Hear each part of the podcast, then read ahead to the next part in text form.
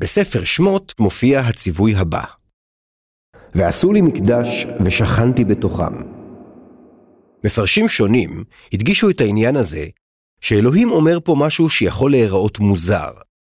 כשבני ישראל יבנו לאלוהים מקדש, אלוהים מתחייב לשכון בתוכם, ולא בתוכו. בתוך בני ישראל ולא בתוך המקדש. בית המקדש, שנחשב לביתו של אלוהים, אמנם נחרב לפני הרבה מאוד שנים, אבל יהודים דתיים רבים מאמינים שאלוהים ממשיך לשרות בקרבם גם כיום, אם הם מקיימים את מצוותיו ומתפללים אליו מכל הלב.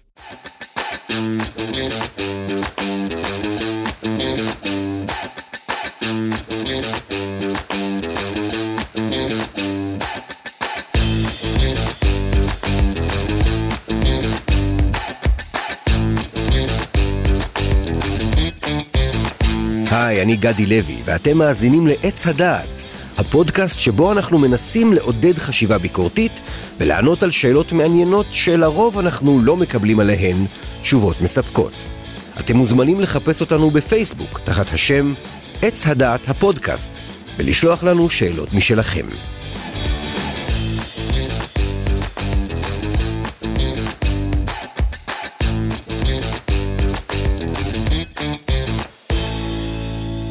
היום ננסה להבין איך יהודים דתיים מאמינים שאפשר לקיים תקשורת עם אלוהים. בשביל זה, נצטרך להזכיר שתי אמונות שהיו נפוצות בתרבויות קדומות, ונותרו נפוצות גם בימינו. הראשונה, האמונה שהעולם מנוהל על ידי אלים, אל אחד או יותר, אלים עם רצונות ורגשות. השנייה, האמונה שעל בני האדם לרצות את האלים האלה כדי לזכות ליחס חיובי מצידם. בעולם העתיק, גם בתרבות היהודית, אחת הדרכים העיקריות לרצות את האלים הייתה הקרבת קורבנות. אנשים האמינו שהם צריכים לוותר על משהו למען האלים, ולהביא את המשהו הזה לאלים במתנה. הם נהגו להגיע למקדשים ולהביא לשם קורבנות, מהצומח, מהחי, ובמקרים מסוימים אפילו קורבנות אדם. לפעמים הקורבנות ניתנו כתרומה לכהנים במקדשים, אבל ברוב המקרים הכהנים הקריבו אותם לאלים, או במילים אחרות, שחטו ושרפו אותם על גבי מזבח מיוחד, במטרה לשמח את האלים. לפעמים הקורבן הושמד כולו, ולפעמים הוא נאכל בחלקו על ידי המקריבים או על ידי הכהנים. במרוצת הזמן חלו שינויים בדתות העולם, פולחני הקורבנות פחתו מאוד, והיום, ברוב התרבויות, הם התבטלו לגמרי, או נשארו רק באופן סמלי. בדת היהודית, בשלביה המוקדמים, אנשים הביאו לכהנים גם קורבנות מן הצומח, וגם קורבנות מן החי, בעיקר מהבקר ומהצאן, ולפעמים גם מעופות. הקורבנות האלה הוקרבו לאלים, בהתחלה במקדשים שהיו פזורים במקומות שונים, ובהמשך לאלוהי ישראל בעיקר בבית המקדש שבירושלים. ספרי התורה מלאים בהרבה מאוד חוקים שעוסקים בהקרבת הקורבנות. במקורות היהודיים מתוארים שלל קורבנות שהוקרבו בנסיבות שונות. היה קורבן קבוע, שנקרא תמיד, שהוקרב בבית המקדש בכל בוקר ובכל בין ארבעים. היה גם קורבן מוסף, שהוקרב בחגים ובמועדים. בנוסף לזה, היה קורבן מיוחד שהוקרב ביום הכיפורים. היו קורבנות שהובאו לבית המקדש אחרי טקסי טהרות. היו גם קורבנות של מעשרות ושל בכורות מהצאן ומהבקר. והיו קורבנות שונים שאנשים הביאו לבית המקדש כדי לכפר על חטאים, או מתוך צורך להודות לאלוהים על משהו. במקביל ללקיחת חלק בהקרבת הקורבנות, אנשים גם התפללו לאלוהים באופן אישי בהזדמנויות שונות, וביקשו ממנו עזרה או מחילה.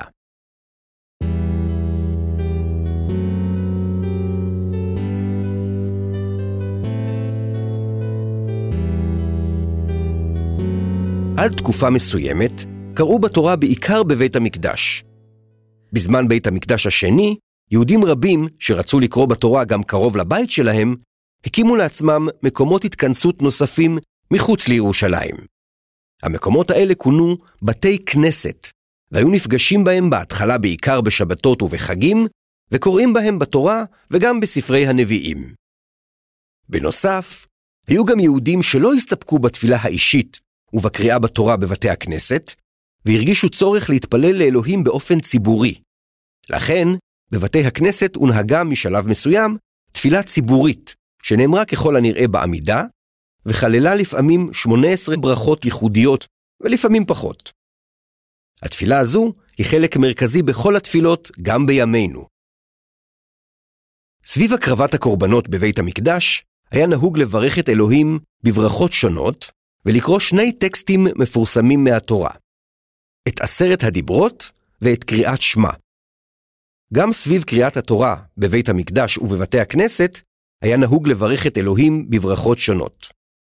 משם הברכות הלכו והתרבו והתפשטו לטקסים נוספים ולתחומים נוספים. נוסחו ברכות ייחודיות שאומרים כשמתעוררים בבוקר, לפני ואחרי האוכל, אחרי שיוצאים מהשירותים, לפני שלובשים בגד חדש ועוד. היום מקובל שעל היהודי לברך את אלוהים לפחות מאה ברכות ביום. לאחר חורבן בית המקדש השני, הופסקה הקרבת הקורבנות, וההנהגה היהודית החליטה לחייב תפילות ציבור קבועות, שחרית ומנחה, שהתקיימו בבתי הכנסת בבוקר ובין הערביים, כנגד קורבן התמיד שהוקרב בבית המקדש פעמיים ביום. ותפילת מוסף כנגד קורבן המוסף, שהוקרב בבית המקדש בחגים ובמועדים. ההסבר להחלטה הזו נשען על הפסוק מספר הושע, ונשלמה פרים שפתנו.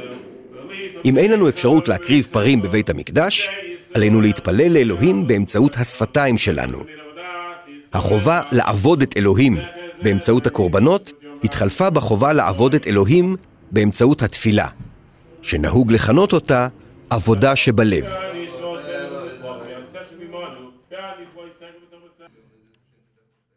בגמרא מתוארת הגישה שגם בהקרבת הקורבנות היה חשוב לא גודל הקורבן, אלא כוונת הלב. אחד המרבה ואחד הממעיט, ובלבד שיכווין את ליבו לשמיים.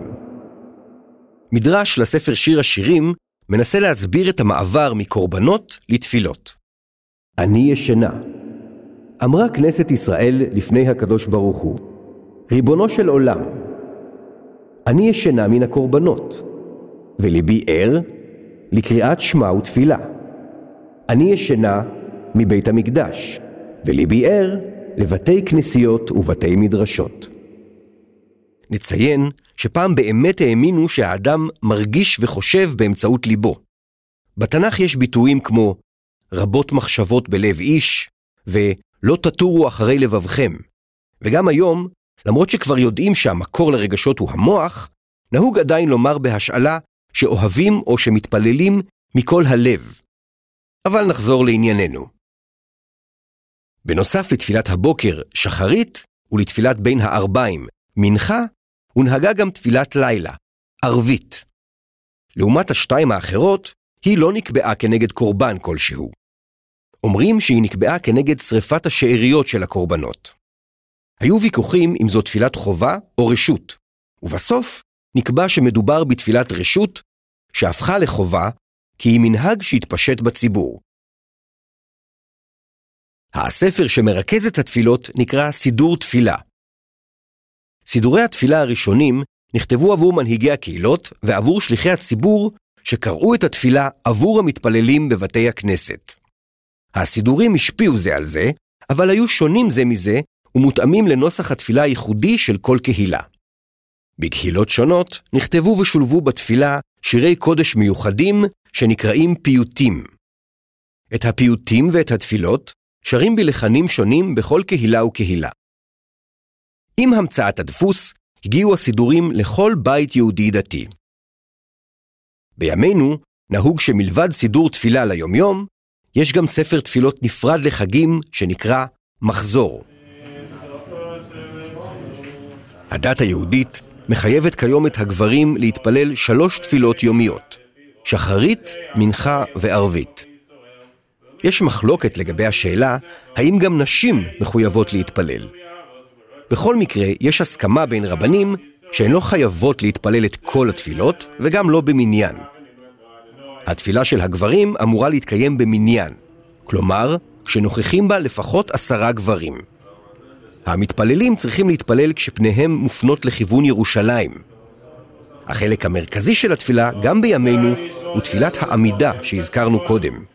היא נקראת עדיין תפילת שמונה עשרה, למרות שהיום יש בה תשעה עשר חלקים. במקרים רבים, נהוג להתעטף בזמן התפילה בבד מלבני מיוחד עם פסים, שנקרא טלית. הטלית מכונה גם ציצית. מקובל שהמקור למצווה הזו הוא הפסוק הבא: והיה לכם לציצית וראיתם אותו, וזכרתם את כל מצוות אדוני ועשיתם אותם. רוב הגברים מתעטפים בטלית מגיל 13 בזמן תפילת שחרית, אבל בקהילות אשכנזיות מסוימות זה מנהג שתקף רק לגברים נשואים. בתפילות מנחה וערבית לרוב לא מתעטפים בטלית. נהוג שגם הקורא בתורה מתעטף בטלית, ואצל האשכנזים גם שליח הציבור שקורא את התפילה בקול.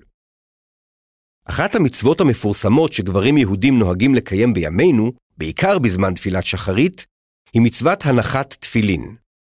תפילין הם תיבות אור קטנות, שמכילות בתוכן ארבע פרשיות מהתורה. תיבות האור נקשרות ברצועות אור לראש וליד, ומיוחסות להן סגולות שונות, כמו הגנה ואריכות ימים. אחד המקורות למצווה הזו נחשב הפסוק "וקשרתם לאות על ידיך, והיו לטוטפות בין עיניך". נזכיר שוב את מה שציינו כבר בפרק הקודם. למרות שזה לא מקובל בימינו, לפי חוקי ההלכה היהודית, אישה שמתפללת עם ציצית ועם תפילין אינה עוברת שום עבירה.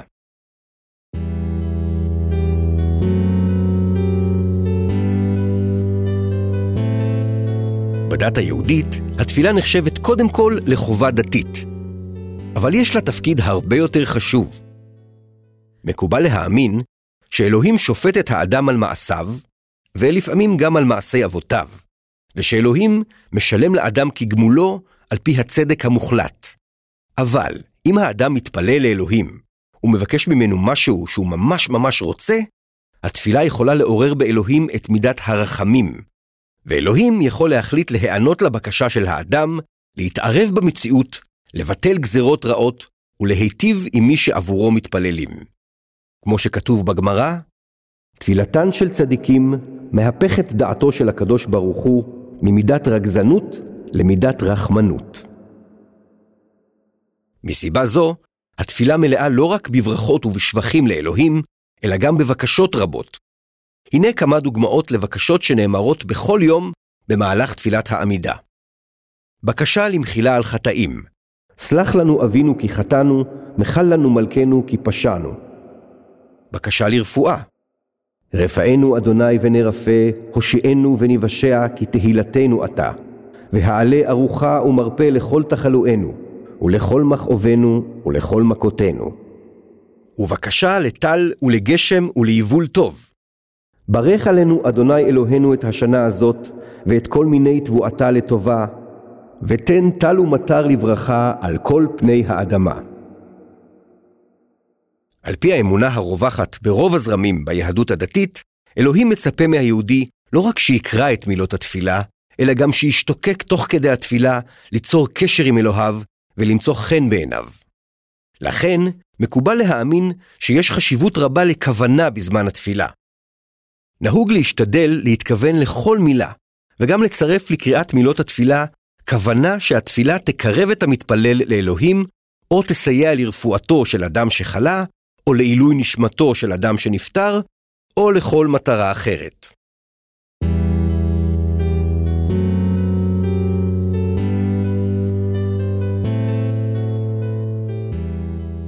חשוב לנו לציין שנכון להיום לא הוכח מדעית שלמחשבה האנושית או של התפילה האנושית יש כוח לשנות משהו במציאות. הרחבנו על זה בפרק 13. בנוסף, נדגיש שהאמונה בכוחה של התפילה מתנגשת במובן מסוים עם אמונות אחרות שמאפיינות את הדת היהודית בימינו, כמו האמונות שאלוהים הוא מושלם, טוב ומיטיב באופן מוחלט ויודע כל.